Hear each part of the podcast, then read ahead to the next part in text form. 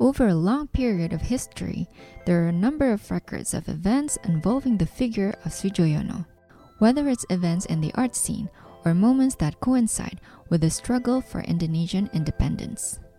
Sudjojono's achievements in the art world and his proximity to the nationalist movements during the struggle for independence awarded him with a number of terms of endearments, such as the father of Indonesian nationalism painting, the milestone of Indonesian modern art, and so on.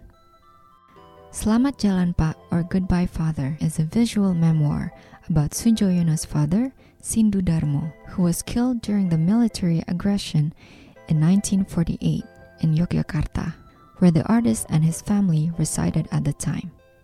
One morning, as the Dutch army was approaching their village, Sudjojono and other men had to move north. Sudjojono marched alongside his father along the foot of Mount Merapi, traveling towards Boyolali. They were ambushed by the Dutch army, who started to open fire. Sindu Darmo was hit. Sudjojono was forced to leave his dying father behind and marched on to safety.